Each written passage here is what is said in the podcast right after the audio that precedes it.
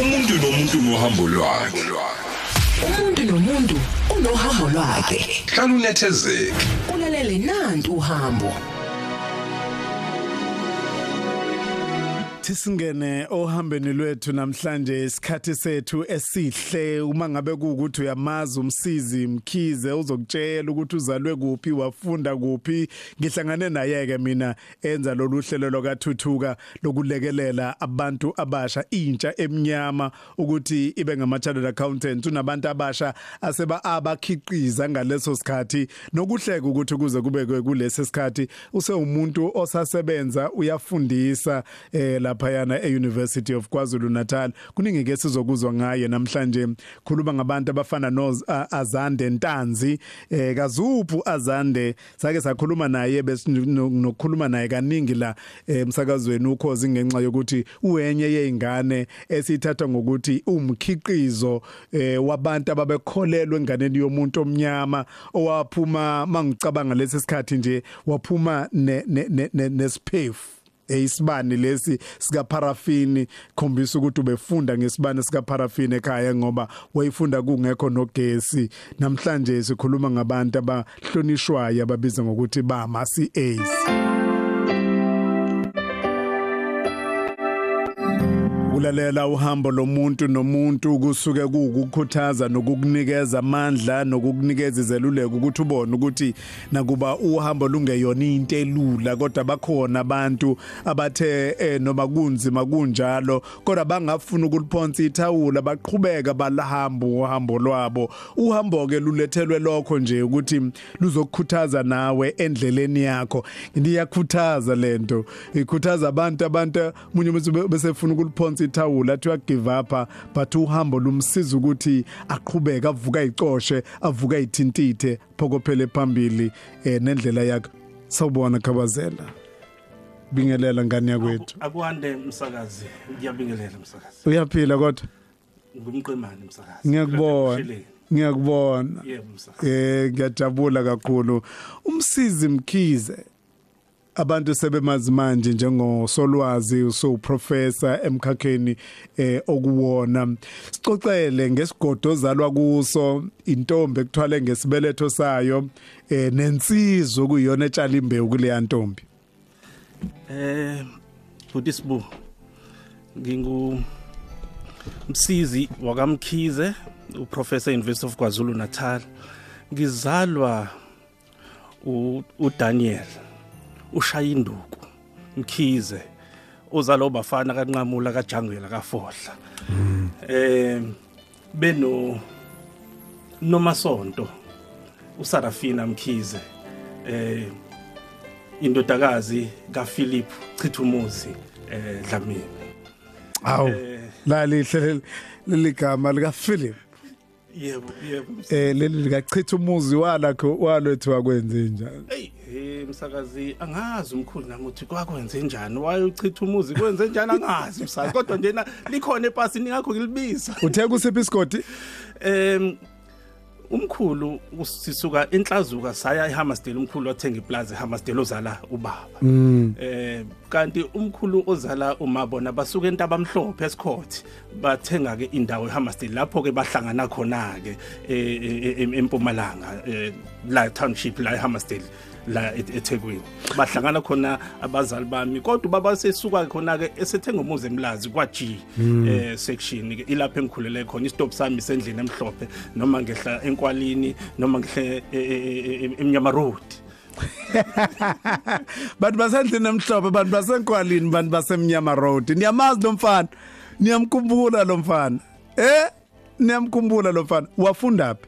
Ngafunda encophelelo LP school. La ngafunda khona ngasuka encophelelo ngaya esikhwelo eh, HP school ngasuka eh, esikhwelo ila othisha babona italent kumina khona uthisha makhani wasifundisa imaths. Athi mkhize kuthi sekuphele wonke umuntu lana kube wena ophamisayo usho i-answer correct. Uyayibona lento kuwena ngaphakathi? Omunye umisi sesika standard Oh kusho ukuthi 6 ngamalanga wa- wawuhoxa eh, uhoshimfe eh ubabona ukuthi bazo bazo- bazoyishayani lempendulo uyothi musu ubonele sebehlulekile ubusu uyaphakamisa kokuba njalo umsakazi kodwa kwesinye isikhathi angiyeke ngamabomu. Oh, akhombe bonke. ngiyayazi leyo. Bese-ke eseza kumina ke Yeah. awungiyisho ajabule. Nomunye mem seka standard 6 uMessi Sithole o Messi Simkhiza leso sikhathi manje useMessi Sithole naye wangibiza wathi hayibo une potential wemkhize funda tatisha. Hayi. La ngathi mase ngifike vela abahleke high school eh hayi lapho ngafunda ngempela ngingadlali lapho. Ngiyakhumbula nje ngangithi mangidadisha ekhaya ngize ngicele kubazali abona phela uma ekhaya uforum house eh i-dressing table yasekamereni lama kuphela babhizi babuka i-TV mina sike ngifundile kade ngise kitchen ngiclean kube clean kitchen bese ke eh ngithi ke sengifuna ukuyodiscussa. Manje akekho umuntu engizodiscussa naye ebusuku ngo8 bese ngicela ukuya ku-dressing table bese ngiyodiscussa nalomuntu engizofike ngimbone lapha ku-dressing table ngimtshele ukuthi sengazi.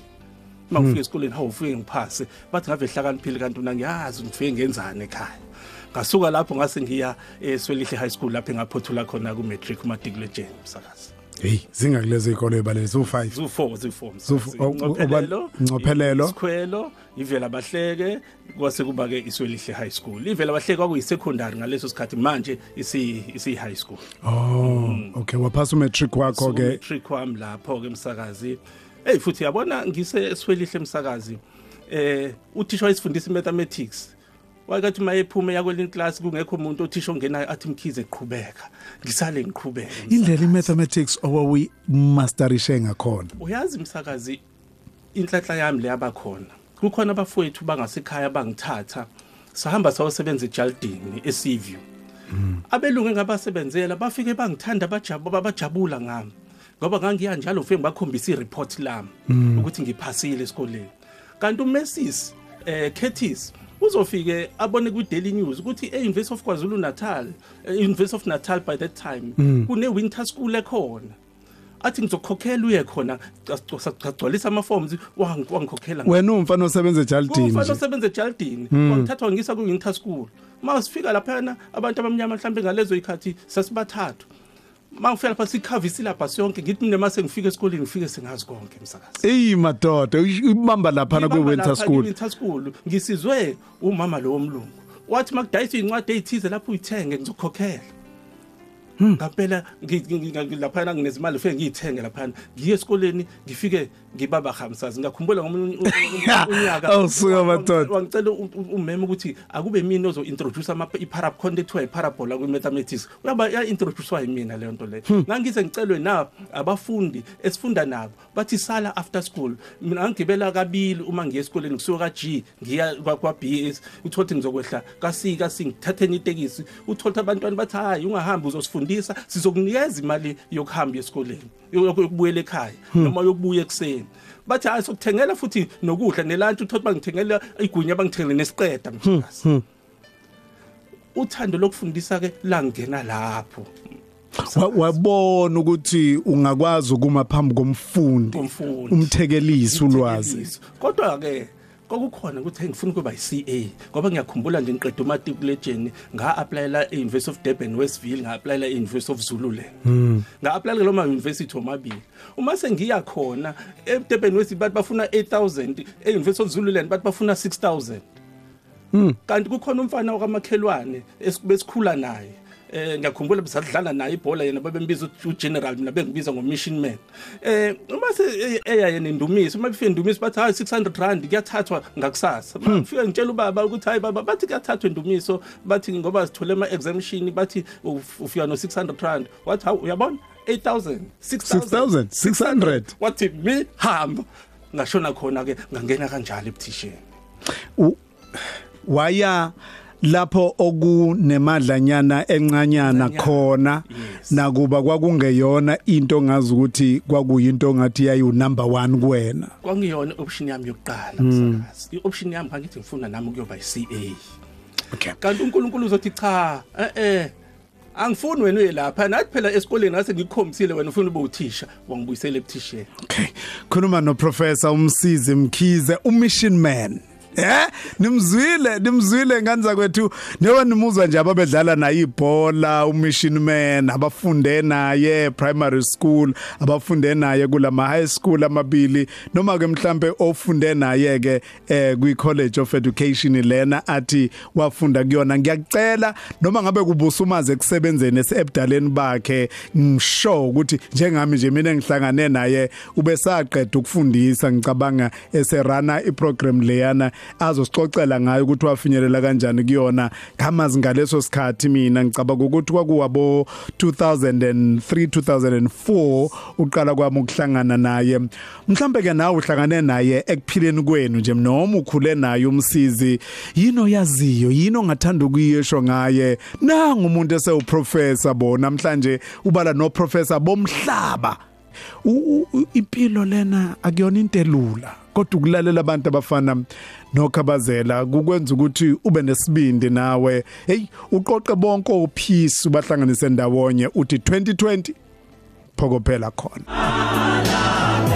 Wayiswa ipuputhe ikhala. Wayiswa Khosi FM lo hamba phambili uthi angeke ahlala ngezwa.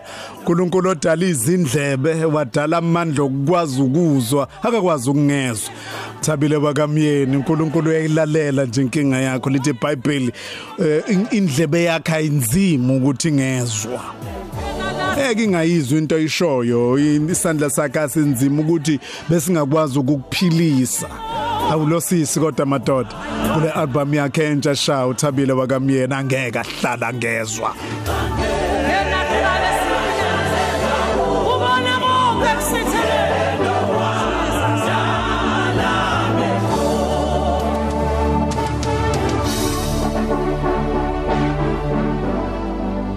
Uyena wadala amehla akakwazi ukungaboni uNkulunkulu obonayo uNkulunkulu okwazi ukubona ngamehlo akhe. Siyabonga ukuthi ubeka indlebe kulomsakazo wakhe igidigidi zabalaleli abalalele lo msakazo. Ekseni uNkulunkulu nje makakubusise kulolu suku.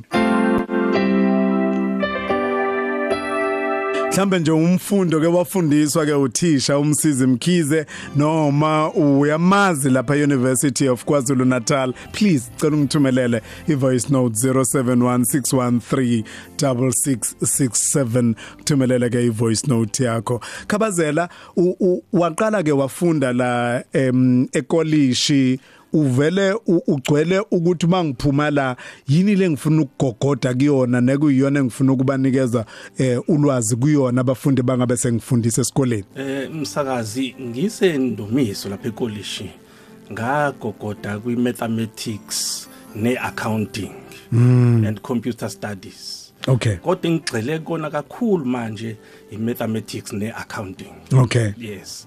La kwi accounting le ngifundise euniversity. Ngiye ngikhombise kakhulu i mathematics eh esebenza kwi accounting ngoba abayivezile incwadini kodwa even eschool level abayivezile incwadini kodwa othisha nezingane kufanele bawo perform ama calculations so ke ngimandla kakhulu ke kuvezini lezo zinto lezo. Ngizama futhi nokuthi ngi- ngi- ngi decolonize yona i mathematics nayo i accounting ngaphambi sifike lapho ngoba ngicabanga ukuthi um- usukhuluma ngayo manje em at, a- at an academic level. Ngifuna singa singasheshe silahleke lapha yana eh eh, eh, ekuqeqesheleni kwakho ubuthisha i- khona lethi bizwa ngokuthi ama highlights uselapha yana ekolishi into oyikhumbulayo. Usesekolishi ayithi noma uhleli eh, uyikhumbula ungayikhohlwa. Nabantu ongathi uyabakhumbula wawufunda nabo ngaleso sikhathi. Uyibalulile ezazenzeka esikoleni wababala othisha okuyibona babekholelwa kakhulu kuwena. Siphe isithombe salapha ekolishi. Eh, hey ngicela ukupha nasi isithombe emsakazi. Kukhona uthisha wayisifundisa eh uMr Phila Mnyandu manje usekwi Department of Education. Wasetha itest ye mathematics sikwa second year. Eh leyo test leyo yayinzima leyo test leyo ngoba bayiphasa abantu babe bancane. Kodwa mina ngaba unumber 2 ekuphaseni leyo test leyo ngathola u79% umngani wami eh wakamagwaza eh ofundisa kwesinye soyikole futhi ngala embumbulu yena wathola u80% mina ngathola u79% lokho hayi kwangikhukhumeza nami ngazizwa amahlombe ehambela phezulu ngihambela phezulu nase university ukuthi i mean e college ukuthi bayangibona manje ukuthi hayi ngiza nayo lento kanti futhi okunye lapha e university engangikwenza umsakazi nganginebusiness angilirana within the university kuphe college ekona ekoli eko- I'm sorry eko- ekolishi eh, umsakazi Nga- ngangigunda oh ngiyakhumbula ngiphuma kunda kanjani? Ngomshini ngomshini noma ngomshini ngomshini umsakazi Oh, okay. ekhaya ngamtshela baba ukuthi ungangithumela imali ngoba imali ngangiyenza la ngokugunda mina. Bayazi abafowethu engangibagunda njena o- o- ojabulani mahlobo osithembiso mbuli ufreedom dinisa bayazi. Ogugu hlongwane babegunda kumina. Ngangigunda 15 students a week 15 to 20 students. Ngaze ngaphuma kwi- kwi-college newsletter. Aw hey. ngangi-business minded na- na- na- nami ngangithi ngicathulo ngisese primary. Eswa-ke eh entrepreneur lento entrepreneurship kade yaqala egazini lethu ne? Msakazi uyazi ngathi mangifika la kade ngangifundisa khona eh noma msazi sengigijima kakhulu. eh, eswele emenzi high school la ngafundisa khona ngafika ngayigoqozela i-entrepreneurship. Uyazi osimba eh eh, OBB babelethe izinkwa basidilivele ingane zidayise within the school bakuzocollect imali yabo ngakusasa thina sisale neprofit. Hey madoda. Uthe uphila mnyandu seka education manje. education manje yes, okay. yes. u u lensiza yakubitha ku mathematics eh ngaleso sikhathi eh iyayikhumbuza nje ukuthi ngakushaya ngalwanyaka ingikhumbuze futhi sizwana indlela eyisimangaliso nayo umsakazi sisaxhumene even namhlanje. Waqeda lapho wawusuyofunda emenzi? Wayofundisa ngasofundisa emenzi high school. Okay. Ya lapho engafika khona emenzi high school ngafundisa u- u-standard 7 i-mathematics. Eh isikole ngalowo nyaka msakaza msakaza senzanga kahle sathola 15% pass rate. Base ngicela i-meeting nothisha omkhulu. Enhlanhla uthisha omkhulu umshololo wayengifundisa eswelihle ah umshololo Ubaba uMsholelo. madoda ya. Engifundisa eswelihle ngathi thisha omkhulu buka. Bengifunda endumiso buka. Ngaphasa kanjani? Uyangazi. Baba umshololo buka bengiregister eUNISA ngenza i-economic statistics ngenza ne-accounting buthi ngikuphasile bengicela siqale i-commerce within the school ngoba bekwakuyi-generally kuyilokhuzana kuyi-science isikole sithole 15% pass rate. Hayi ngayiqala i-commerce. Wathi asiqale ka-standard 6 ngathisha omkhulu naka-standard 9 ngarecruita iy'ngane from the neighboring schools standard 9 kuthi uzobhalisa la? Ukuthi izobhalisa la. Kwabo standard 9 no standard 6 qala i-commerce. The following year saba no standard 10 hayi ama results ingane ashona phezulu uthisha omkhulu ufundisa economics ngifundisa accounting skipho 100% kahleni bo 100% isikole sanyuka lapho kuze kube namhlanje kuyangijabulisa ukubona umuntu entombela osisimuntu nothi nethimba lakhe besaqhubeka kulowo mgqiqo loyo ubaba umshololo indlela be abenenhliziyo yemfundo ibimangalisa ngiyamangala ukuthi kanti lo muntu usuka kude kangaka nalento yokuyibambela ngoba kuthiwa ubeyibambela amathupha nje. Uyazi budisibu wayincela uthisha omkhulu waseswelihle umdehe ya. Nobaba ukubheka lo waselokhuzaneni wase- wase- wase- Evukuza- Vukuzakhe. Evukuzakhe. wayincela lapho. Eyi, madoda. And then wayitshala wayitshala nakothisha wayitshala nakuthina njengoba ubona nase-university ngi- ngihamba kanjena nami ngayincela kuyena. Amanye la maqhawe akhuluma ngawo umsizi asalala em kodwa into esimangalisayo ukuthi uma ngabe wenze izinto ezinhle emhlabeni zisale zikhulumela zona. Yeah hlale zikulandela. zona. Kwashintsha lapho ke isimo sasemenzi eh nokuthi ngimangazwa ukuthi ukuthi kuphaswe kungaphaswanga eh, ng- ng- ngokugculisayo kodwa niyiphonsela inselele engaka sayiphonsela sahlala phansi. Eh uthisha omkhulu wazi wangilanda ekhaya kwajisa hamba saye kwakhe kwa-n. Sahlala phansi ngamxoxela sonke isitori nomama kwakhe bahlala ngabaxoxela isitori ukuthi thisha omkhulu sizokwenza kanje kanje kanje. Hhayi kwasuka lapho isikole sashona phezulu. Wa wa ufundisa wafundisa ke iminyaka emingaki lapha? Ngifundisa iminyaka ewu-9 emenzi. Ngasuka emenzi ngaya eh, ezwelibanzi. Ezwelibanzi ngahlala iy'nyanga ezinhlanu. Ngashiya khona. Kanti ngathathwa i-south african institute of chartered accountants. Mm, lokuthiwa isayika isayika lapho-ke manje-ke sengizoba i-careers officer ngigcine sengiyi-transformation manager. Lapho ngi- recruit abangihambe ngifuna abafunde ezikoleni abazohamba bayoba ama CA baba bayofundela ukuba ama CA ema university ngoba ngaleso sikhathi inamba yama CA yayincane kakhulu manje sifuna ukukhulisa inamba yama black chartered accountants. Usayikha ngimangaza ukuthi usayikha yobona umuntu osesikoleni osezingeni lesikole angamlandi ngisho ezingeni la ka corporate ngoba phela bengalindela mhlawumbe ukuthi umuntu okuthiwa eh uchwechwethile em kwi chartered accountancy or kwi accounting kwi corporate bese bemlanda bayokulanda esikoleni lapha. Yazi msakazi kukhona inkampani ekuyiyona i-recruitment agent sekushona efunelana eh, inkampani umsebenzi. Ngiyeke kuyona ngifonele ngiye kuyona. Bathi bengi-interviewa nje. Mhlawumbe kwaba u-two minutes bathi chacha wo sayithatha sayithumela into zakho kasayikha ngendlela engabachazela ngakhona ngibachazela nangayo i-accounting le umlungu wathi hayi eh, ngamkhumbula ujoy wathi cha eh eh soyihambisa into zakho. Hey, nangampela madoda. ngahamba ngayo kwi-interview. So u- wafika ke ulinikeza nini lolu lolu lolu hlelo ke manje usayikha ayelenza wayelenza ne Department of Trade and Industry ngaleso sikhathi right? Um why- Uthuthuka. wenza nethuthuka ithuthuka it's an organization organization engaphansi kwakhe usayikha Oh. imele kodwa ingaphansi kwakhe Oh, uSayikha, yeah. okay. kwesinye isikhathi uthola ukuthi kuba khona no department of science and technology mhlawumbe nabo bafuna mhlawumbe bafake imalane ethize ukuze Ah, basebenze wayichaza kahle-ke, ilokhuza. yeah. basebenze nayo ilokhuza ngoba laba baka science and technology bafuna be science kanti uthola khona abafundi abenza science benza commerce yabonke leyo bafunda zonke lezo ifundo lezo so nabo babhekile labafundi laba science uthola nabo khona imali ke abayifakayo so ke ngibambeke lapho ka Saikha msakazi.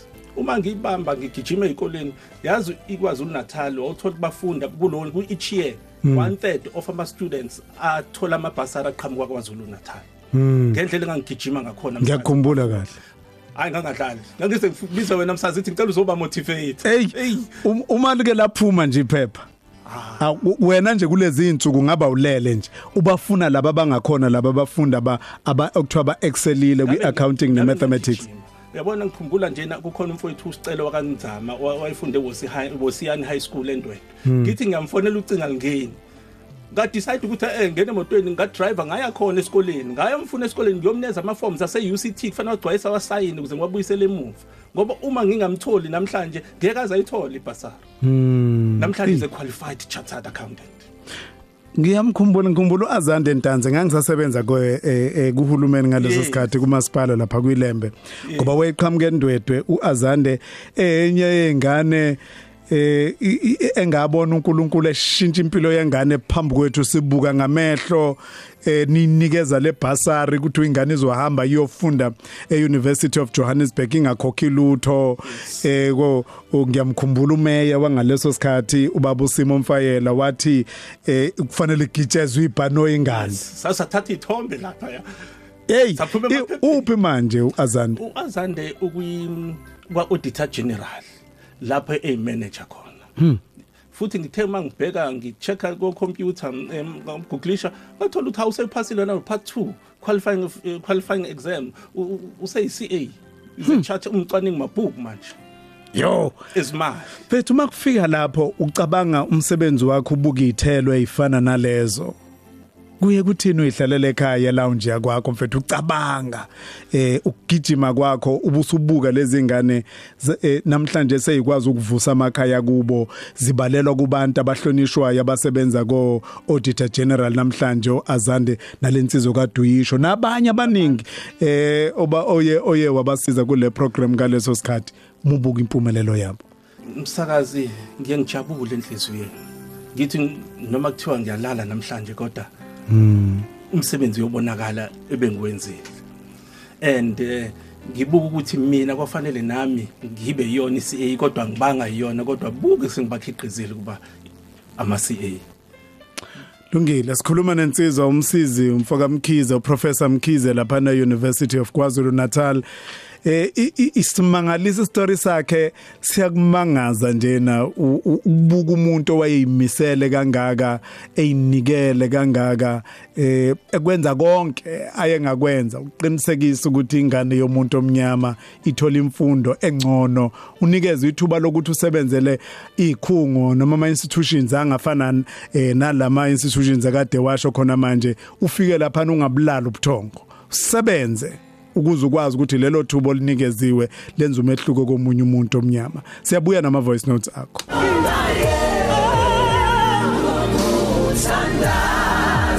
Yekela abantu bakutshele nkulunkulu kubhekile kathuma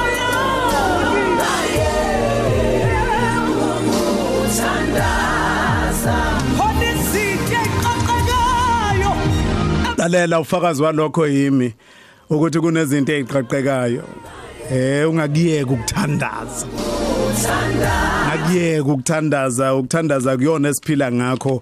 Eh kuku ikona ukusinikeza amandla ikona oku- okumjovo wokuphila kwethu. Sibone ukuthi obani sinabo kuma voice notes ethu. Sawubona sibungu ulaki magwaza lo ngibingelele lapho na professor mkhize. Insizwe engiyazi kahle kakhulu. Insizwe sike sasebenza nayo. Eh kuma camps ingicela ukuba ngi- ngi- ngibajoyine futhi iyona iya- iyangisiza ukuba ngifundise lapha emlazi comtech. Umsizi ke sibu umuntu ohloniphayo umsebenzi wakhe futhi obahloniphayo nabantu. Oneziyalo ezinhle nxa usebenza naye ukuba abafundi ubaphathe njengey'ngane zakho. Ngiyakubonga kakhulu. Sabona msizi. Goodbye. Akisi lensizwa kuyona lenothe uyayazi. Iyona iyona impela. Umagwaza ayikhuphula umogwaza ikhuphula umagwaza ayikhuphula la ngifunda naye indumiso college of education. Uye lodwa wakudabula ngemathematics Uyena zawo wadabula wathi 8 mina ngathi 79 awu yengwayo we- u- lento ayenzayo mfowethu. Eh ukuthi ushaye umsizi kanje ku mathematics siyabonga kodwa bafowethu. Uthe usef- usefundisa manje? Eh ufundisa embumbulu sengikhohle igama lesikole. Okay mfowethu. Siyabonga kakhulu emanqondo mfowethu. Sizwenye futhi. Eh igama lami ngingunolwazi ngwamkhize u Mr Mkhize umalume wami. Eh umfowabo kama. Eh ngithi malume siyakhalelisela uqhubekele phambili. Uqhubeke nokusigqu- nokusigqugquzela njengoba siyintsha. Eh ngiyabonga nokuthi ke imethi nje ngayiphasa with flying colors nge- ngenxa yakho. Uqhubekele phambili ube yimento yami ngaso sonke isikhathi. Eh ngithi uNkulunkulu abe nawe. Eh si- ngiyakhalelisela ngifisela konke okuhle. Siyabonga kakhulu. Yini siyakuthanda wow umshana wakho. Umshana- wami uzalwa usisi uyena yedwa ekhaya siba u8 ekhaya. Awu usisi madoda uyena umagcini Awu. usisi tuma wakhe. Awu bakithi yazi yayinhle lento eh ngithanda lento yokuthi ungabi uduma kude. Yebo. Eh kodwa uqala ukumentorisha khona khona la ekhaya nangu nolwazi esho ukuthi uyimentor yakhe. Ku- kunjalo ngisibonele yazi msakazi ngisibonele esayidini eh laba abangisibonele esayidini lama mm ingane zabafowethu ziyisibonelo kumina Hawu yinhle lento mfethu intombazane nansi isho ukuthi pass mathematics with flying colors yayinhle leyo nto Yebo. siyabonga umsebenzi wakho mfethu. Ngi- ngifuna ukubuka ngesikhathi ulapha yana ka ka Psyche. Eh kunenye insizwe yakini futhi eyisihlakaniphe khona lapha ka Psyche eh ulethu. Ulethu ulethu mkhize yeah, mthanda yeah. kakhulu uNkulunkulu. Eh ngiyayihlonipha kakhulu ngenxa yobuhlakani bayo le yansizwa eh ngithema ngabe ngoba mkade mina ngadukelana nawe. Kodwa ngithema sengidingela uhambo ngathi cishe ukhona umuntu engingakwazi ukuthola kuye. Eh nangempela ngakuthola kuye kulethu. Lapha yana ukule yanhlangano mfethu isikhathi sakho sokuba khona ngisho ukuthi akukho lapho odlula khona ingabi khona umsizila eh nama accolades owatholayo ukuthi we eh, u- u- usebenzile. Kukhona ongakubalula usalapha kaSakhe ngoba ngifuna nokubona nangesikhathi ke manje u- u- usuqala nokufunda izifundo ezingaphezulu kwalokho wawukufundele nje ukuthi uyofundela ukufundisa endumiso ukuthi ugcina usuwenzani naku sesithi uprofessor namhlanje? Asiqale kaSakhe kasayika eh kasayika msakaza ey engikhumbula kahle eh ngabongwa ngokuthi ngangisetha ama accountants olympiad eh, eh, test eh, or exams for abantwana eh, i test yayibhalwa eh, national. So ngaze ngathola i- trophy and a certificate. Engisakufaka namanje ku CV yami. Eh, bathi balulekile bangineza- phela. bathi bangineza nanemali eh, bangigibilisa nebhanoyi ngahamba ngaya e- eCape Town ngayoshaya umoya. Suka madoda. engangilenzile nalokho futhi ukusetha lama exam lawo kwangesiwona umsebenzi wami kodwa into engabakhombisa ukuthi nekhono lokuyenza Mm. Enye izinto wazenza usakhona khona lapha yana kwakuwama camps abafundi em njengoba kade esho magwaza ethi nokumnikeza ithuba zokukhuluma kulawo ma camps ngomunye wabantu abake bakhuluma kwintsha ya e- eyayiba kulawo ma camps okusho ukuthi ikhona imbewu esitshalile kulabo abantu asebebiza ngokuthi ama chartered accountants namhlanje. Em u- u ifeedback eh yalabo ama camps ngoba wawusuku balanda ezikoleni bese seyikoleni eh uzoba fundisa ukuthi umhlaba wena noma nisesesikoleni kodwa nanku umhlaba waka accountancy nanku umhlaba waka mathematics ithelo zalapho ukwazile ukuyibona umsakazi uyabona? Othisha babeze bangifonele bathi "M- msizi uzenzeni ingane zethu zaze zashintsha? Bathi kwaseklasini ingane ishintshile ingane ziyaphasa manje. Ingane izona eseyifundisa ezinye la esikoleni. Sesisizwa izona thina. Lezi ingane sezazi ngaphezulu kwethu. Za- zasispend insuku ezingaki lapha kulama camps? uthola ukuthi msakazi spend about 10 days. 10 days uma nje ibudget yethu ivumile uthola ukuthi 10 days sawuspend uma ingeyinhleke uthola kodwa isonto siyawuspend. Kodwa kwa- kodwa kuyashaya umsebenzi. Kwakufaneleke babuya lemuva sebezimbeve impela bevuthiwe bezibonkolo. Bevuthiwe futhi baze babonge bathi siyabonga indlela enisivezele ngakhona. Hey sebenzile msisi.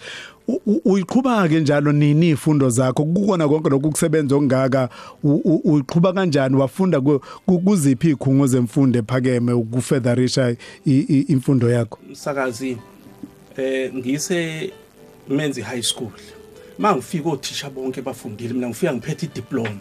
Ngathi awukani kusami kunje yakuchallenge lento khona othisha abane masters uprincipal manje uMiss Stombela wayekade i think esevets eyokwenza ihonors khona. Ngathi Jesu Christ mina ngifika nelokhuzana lento le hayi kwathiwa okay kwase kuthiwa kuyafundwa eUniversity of South Africa nga register khona amakhozi amabili. Kanti ngenhlanhla khona inkampani la eh, eh, eh, eh, la eh, la eThekwini esponsorisha othisha basemenzi ngoba abazali abaningi abasenza leyo nkampani eh, banezingane lapha nemenzi ngase ke msakazi ke ngiapply khona ungayithola ibasari bathi cha cha sicela uyofunda eUniversity of Zululand ophikweni. Ngahamba ngayo ophikweni lapho engafika ngenza khona ke iBcom degree. Leyo BCom degree ngayenza part time euniversity la, la University of Zululand ngibe ngenze njani mina na? Ngibe ngiyasebenza ngiyafunda. Wonke ama degree ngiwenzile iyodwa idiploma leyo kufundisa ngayenza full time konke ngakwenza ngikwenze part time ngasuka kwi BCom degree ngakwenza i-honors BCom honors eUnisa. Ngiyenza futhi part time ngithe sengenzile iBcom honors ngikwaSaica hayi ngathi eh, ngiqhubeke ngenza imasters. Manje e-University of KwaZulu Natal ngifice uprofessor Perumal athi hayi no singakuthatha wenza i-research. Hawu ngempela ngiyenza i-research laphayana ngiqede i-masters. Mangiqeda i-masters athi uprofessor Perumal si sengithuthi ke cwaninge ngangilenza siye kuma conferences present awu ayithanda indlela engipresenta ngayo athi lalela ngifuna uzofundisa la ngaphakathi. Angizamele ngempela ngifundise part time ngiyasebenza eSaica Uyafundisa ngiyafundisa UKZN, mm. UKZN awu ba advertise post ejudy ye accounting and business management. Ngi-apply banginezo mabili kuthiwa khetha ngikha- ngakhetha i-accounting. Ngavalelisa ke kwaSaica ke Awu, umuphi lo nyaka? Eh it was um, 2011 2011 November ngivalelisa kudala uhambile lapha. Ngasuka ke sengiya ke e-University of KwaZulu Natal eJudy ngafundisa iaccounting. Uma ngifika lapha na ke hayi nga register PhD ngoba phela uma ufundisa ngaphakathi ufu- u- u- ufunda mahala hayi ngifundi ngilokhuza iPhD hayi ngesikhathi ngenza iPhD msakazi kwakwaba khona izinto ezathi unginyakaseke empilweni yami kodwa sengithi hayi kulungile ayikho inkinga eh nga focusa kuyona iPhD yami angathatha u3 years ngayiqeda. Futhi ngathi ngisanda kuyiqeda nje ngafanele base Westville bathi hayi wena siyakwazi useka Saika wena. Siyacela uze la kuthina. Siyacela uze ngala I- i- i- UKZN Westville campus. iWestville campus. Kwa BCom accounting manje School of Accounting Economics and Finance. Ngisuka ku oh konje faculty of commerce ile phezulu. Yes, yeah, iSchool of Education ePine Town. Ngasuka khona ke sengiya ke manje kwiSchool of Accounting Economics and Finance. Kanti uNkulunkulu ngisusa lapha na kwiSchool of Education uthi hayi ngifuna ukuletha la lana kwiSchool of Accounting and Finance oba ngifuna ukuphakamisa. Uma ngifika lapha yana msakazi eh ngifika seng oh ngigraduatele khona 2016 sengithola iPhD. Lapha yana uh, bangenza i-academic leader teaching and learning. Ngisa-act kodwa kwamanje uma ngifika laphana ngi-aplayele kuba uprofessor ngempela ngikuthole kuba uprofessor ngi-associate pro, eh, associate professor at the university of kwazulu natal kwi-school of accounting economics and finance. Ngiphethe i-p doctor of philosophy. Ngesikhathi ngiqhubeka ngifunda ngabona ukuthi hayibo ngizakhela bengizakhela indlu. Eh, msakazi ukuthi idiploma ngahlakula ngayo ngihlakula i-foundation yami i-degree yami yila ngabeka khona i-foundation i-honors yami la ngabeka khona indonga ngiyakha lo muzi i-masters ila ngafulela khona. Uma sengifulele ngathi umuzi wami awuphephile ngasithi haya ngenza i-doctor of philosophy ukuze ngiphephise lo muzi wami. This is my area this is my territory. And then umuntu uma ekhuluma nge-maths and accounting fanele igama lami libe khona msakazi. Wow. Hayi akube nemzwile nganza kwethu. Lalelani. Nosihle uzosenzela i-podcast em hayi hey khavazela ngani yakwethu. Ngikuzwe yazi umuntu umuzwe umuzwe kujuleni ukuthi noma izimo zingabe kuthiwa zikuphikisa kangakanani. Mangabe umlalele eqala isimo sasingase sasingavumi. Akayanga lapha ayefuna ukuya khona. Kodwa nje indlela ahamba ngayo ukumthemba uNkulunkulu yamthatha yambeka lapha khona ehamba nomhlengo omuhle. Yo.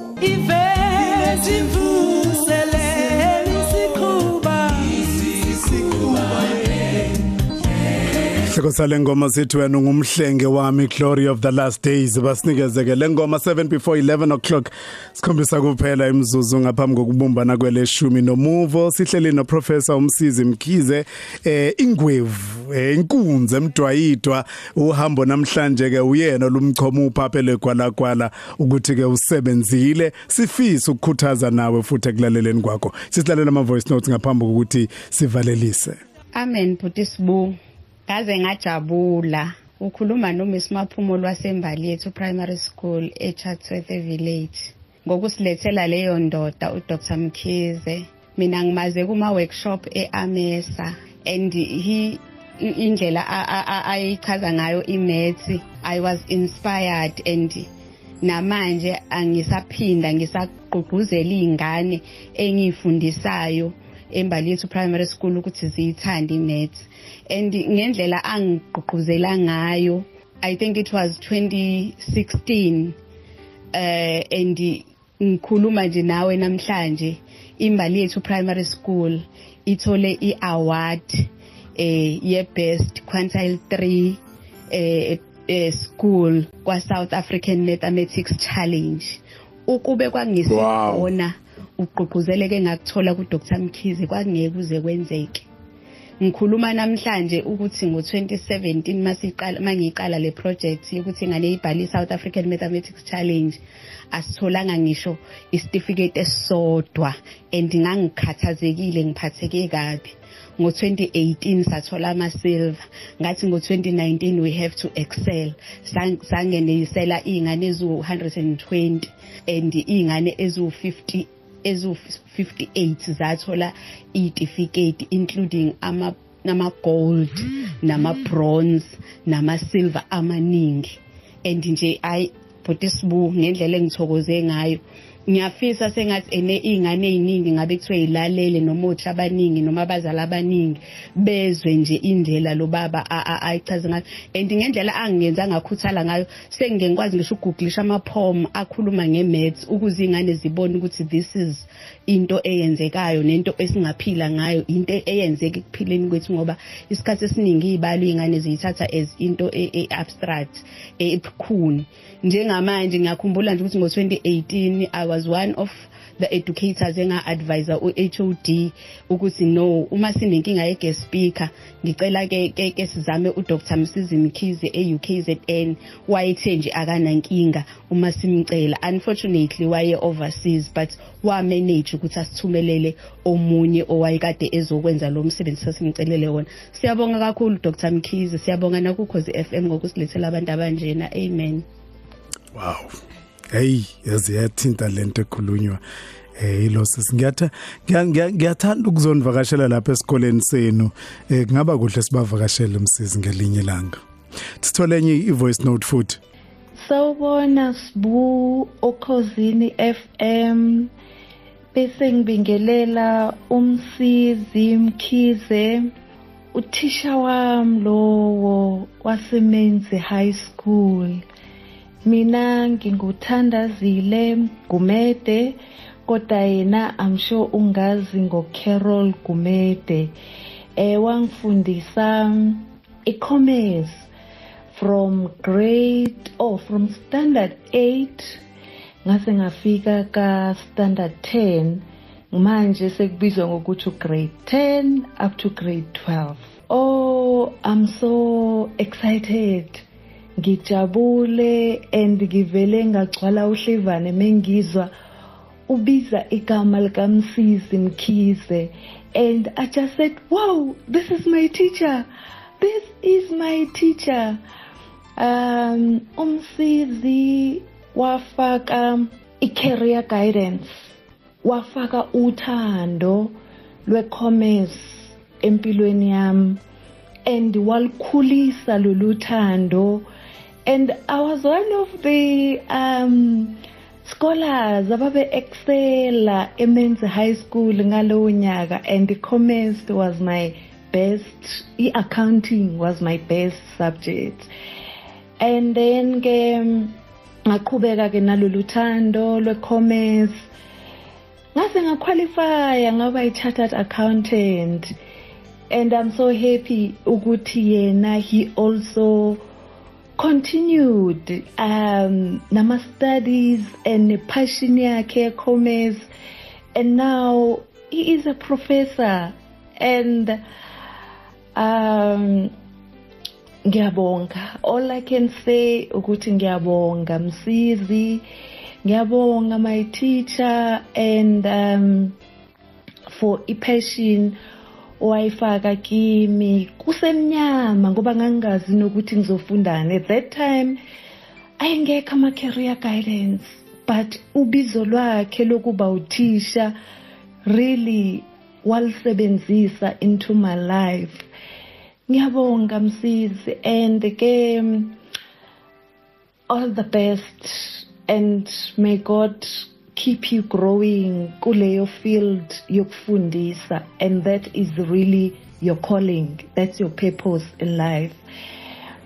Sizocela ukuthi and i'm hoping ukuthi sibu umsizi thisha wami um uzoyishiya inamba ukuze abanye bethu esisafisa ukuthi siphinde sincele again ngoba ulwazi into ohlale njalo uyilangazelela as umuntu ukuze ukhule eh empilweni ukhule career ukhule endleleni ezahlukahlukene. And i believe ukuthi um umsizi still has a role to play in my life. And ngisengancela nje kakhulu ekukhuleni singene kulama field ngoba eish chartered accountant i view and we still need to grow and see areas lapho singa eh, lekelela khona or la singakhulisa khona le field yaka chartered accountant in South Africa. Um please mangasashiya ama contact numbers akhe or email address singakuthokozela lokho. Siyabonga wesibusiso ngokuthi usilethele umsizi mkhizi that man yeah he had a calling and he has a calling yokuba uthisha. Wow alelani le guest yethu esinayo namhlanje umulalela in fact hloniphile u- u- u- uvuka u- uhlevana njengoba ke washo umunye ngesikhathi ulalela laba abantu bekhuluma nje. Ayibo Hey mina ngiyamangala benge ngikwazi ukubanqamula laba bantu ngoba bakhuluma inhliziyo bathulula inhliziyo yabo.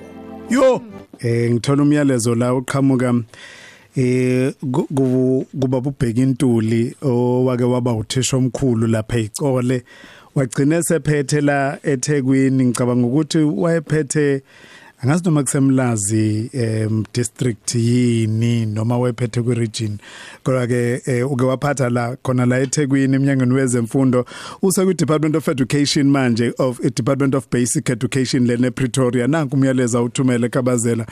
Ulishenge isebenzile leyo ndoda umsizi mkhize maningi ama chartered accountants awakhiqizile kwandlwana emakhaya nasemalokishini. Seqhenya kakhulu ngaye kwezemfundo. Umyalezo omuhle kakhulu lo uqhamuka kumuntu ofana nobaba Sompisi ngiyabonga kakhulu eh baba Sompisi kodwa baba Sompisi ngine challenge enginayo as i Department of Education engifuna ukunikeza yona. Ngicela nisebenzise njengama academics amnyama. Sikhona sinenkinga kwi mathematics sirethwe last sicela ukuthi nisebenzise ikhona.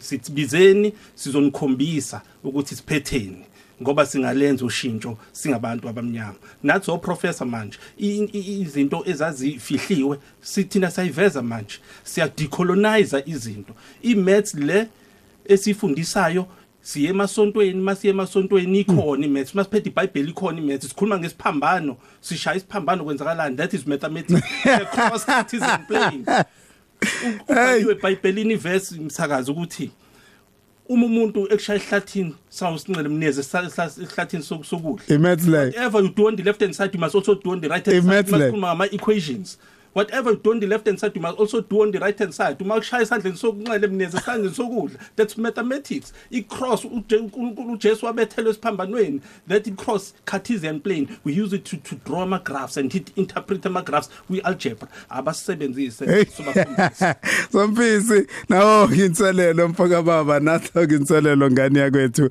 Godido omkhulu uwe.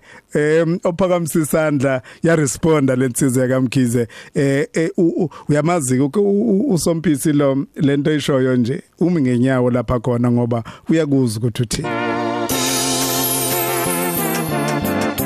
Awulalele lana sisho kanjalo kwiningizimu Afrika yonke kinina nonke abafundi nabangaphumelelanga nanku umyalezo. Ngithathe down amaphinde lutho wangibeka high.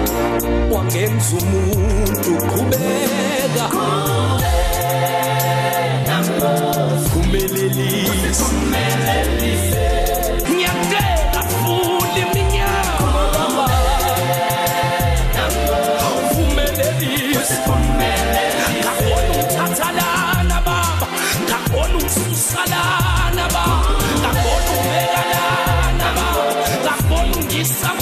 kwenye Wona umyalezo nathi sekunikeza wona lona khabazela ukuthi istory sakho bangabe usilalela sisilalele namhlanje senze sibone ukuthi uNkulunkulu ukuthathela wakubeka la wakuthatha la wakubeka la. Kumkhuleko wethu njengoba eshilo uCarol Gumede eh, othe omunye weyiqenqe wobuyifundisa ushilo wathi eh, kuningi osazokwazi osangakwazi ukuthi akwenze. Kumkhuleko kwethu mfowethu ukuthi uNkulunkulu akaqhubeka kuphumelelise nabo bonke abanye abantu abenza nabayinikele emsebenzini ukufana nawe. Ngibonile ukuthi ujabule kakhulu eh, ukuza uCarol na inpeleni nosisi lo yanokhulumile ekuqaleni.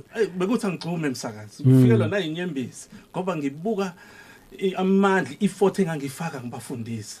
Kanti ingane eh umsakazi yabona ufundisa kufana nokupheka? Eh buka manje. Nkosi yami. Ukudla manje ngikudlayo umsakazi Siyakubongela kakhulu Khabazela mfethu. Enye yezinto oke oyivezile eKhabazela uthe ngesikhathi ngoba sesiyayi sesiyayisonga manje angifisi ukuthi usisonge ungazange usinikeze zeluleko zokuthi iziphi izinto ipayisi oyisebenzisile ukuze ukwazi ukuphumelela. Uke waveza nanokuthi ngesikhathi wenza iPhD yakho eh kwa kwa- kwa- kwaba naneyinkinga ngiyakhumbula ngize ngakubuza ukuthi eh ma- masi off air ukuthi kwenzakalani. Wawusuveza into ebalulekile kakhulu ukuthi mangabe usuke uyinikele ekufundeni nase- nasekufundiseni nasekuyithuthukiseni ngolwazi izinto abantu okumele bayiqaphele. Asiqale kwifamily kuqala. Umsakazi ngingajabula ukuthi umuntu oqhubekayo nokufunda mhlawumbe owenze o masters owenze o PhD ukuthi akathi before ayokuregister lokho akaxoxisane nabasekhaya especially uma ushadile.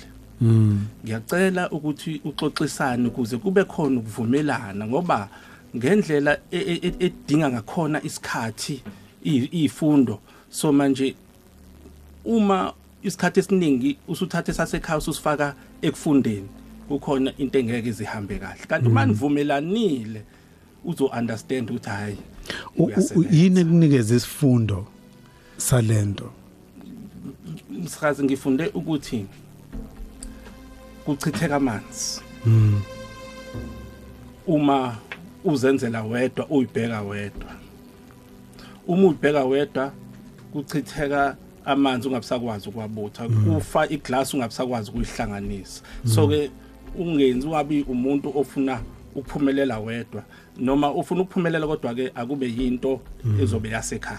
Unga- unga- kungabe ukuthi nje uconcentrate kuwena kakhulu kube ukuphela. Yes yes msakazi. Lokho nje lokho msakazi engithi angikubalule engikubonayo iphuthe esiye eh, silenze. Ifundiswe yiningi uthi uma ubheka ubheka ukuthi uma wenza research ubone ukuthi hayi lo muntu konakala izifundo lezi ezonayo. Kanti uma wenze iagreement i-agreement waphela suke kuyi-partnership ne-partnership khona i-partnership agreement uma ngasahambi ngasavumelani kahle ngama-terms nani thothi-ke siyadissolve-ke sekhona o-divorce phakathi and all that stuff Mfethu isiluleke esihle lesi o- Yes. o- osinikeze sona. Eh mpeleni umsizi eh u- ukushilo ukuthi ngaleso sikhathi nowakhe umshado futhi wafikelwa isikhathi esifana naleso.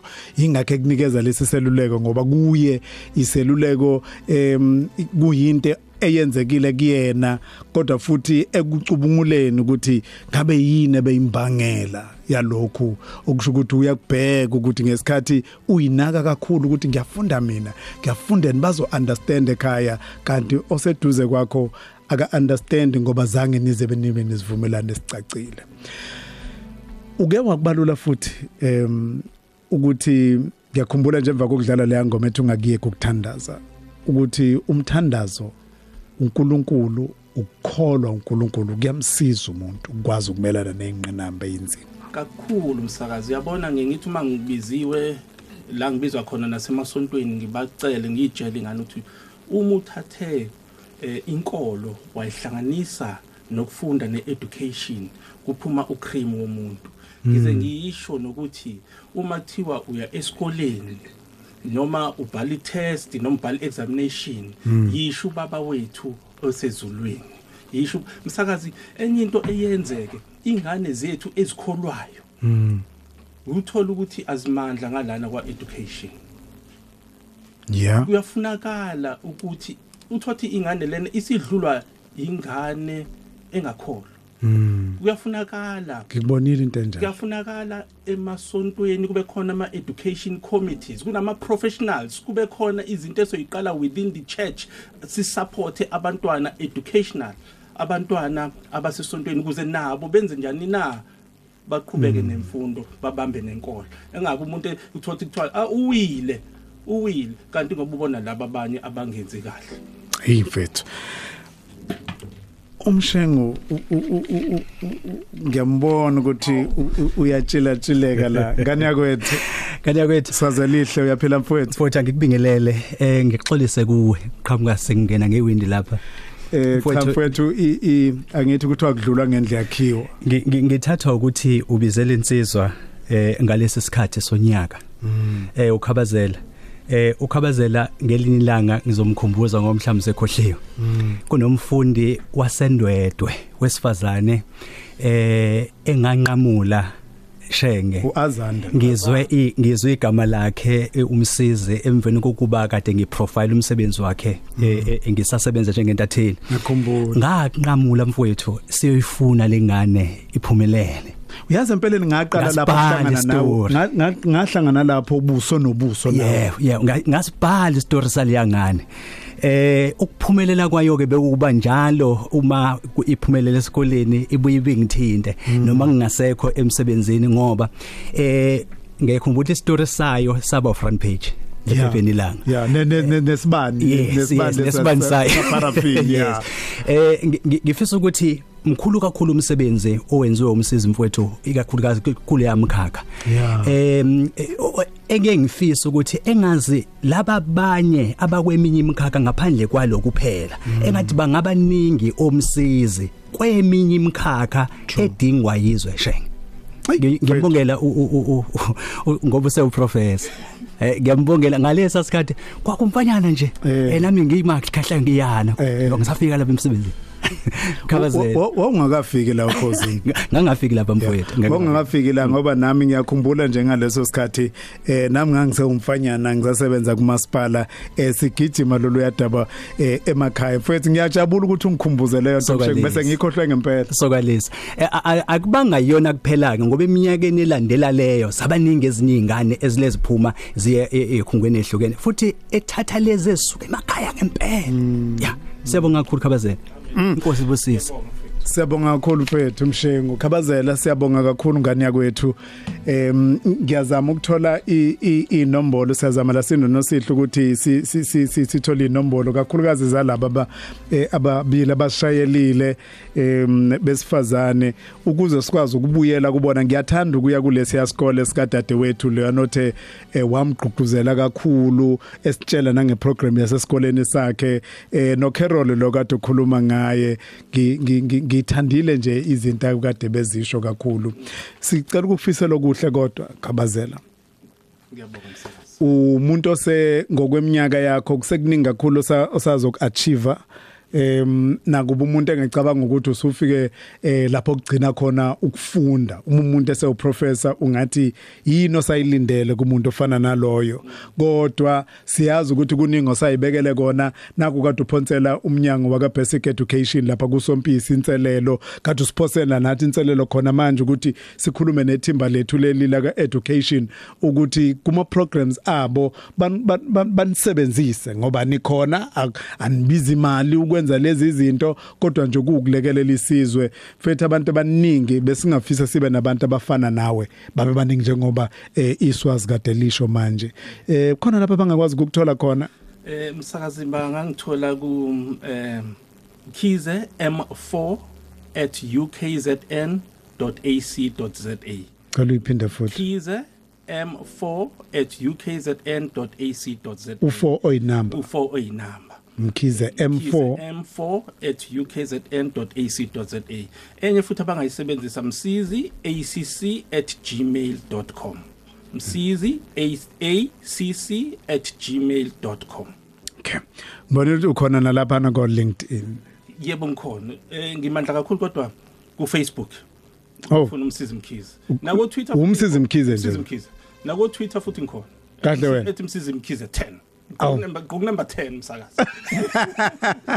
Kamazela mfowethu eh siumsakazo ukhozi FM siyithimba eh lendumiso ithimba lo hambo siyakuthwesa mfowethu phaphelo golagwala uNkulunkulu makakubusise ukhule ngani yakwethu bengangeyintaba em kuningi besingakhuluma ngakho. Ngizwile ukuthi eh, uke waphuma waba womunye waba yishumi eh, okuthiwa the best educators. Eh eyun at a university level eh akuwona umdlalo. Ama university wonke ase South Africa euniversity la kwaZulu Natal eh ngibe kwi- saba u4 nami ngikhona lapho distinguished teachers.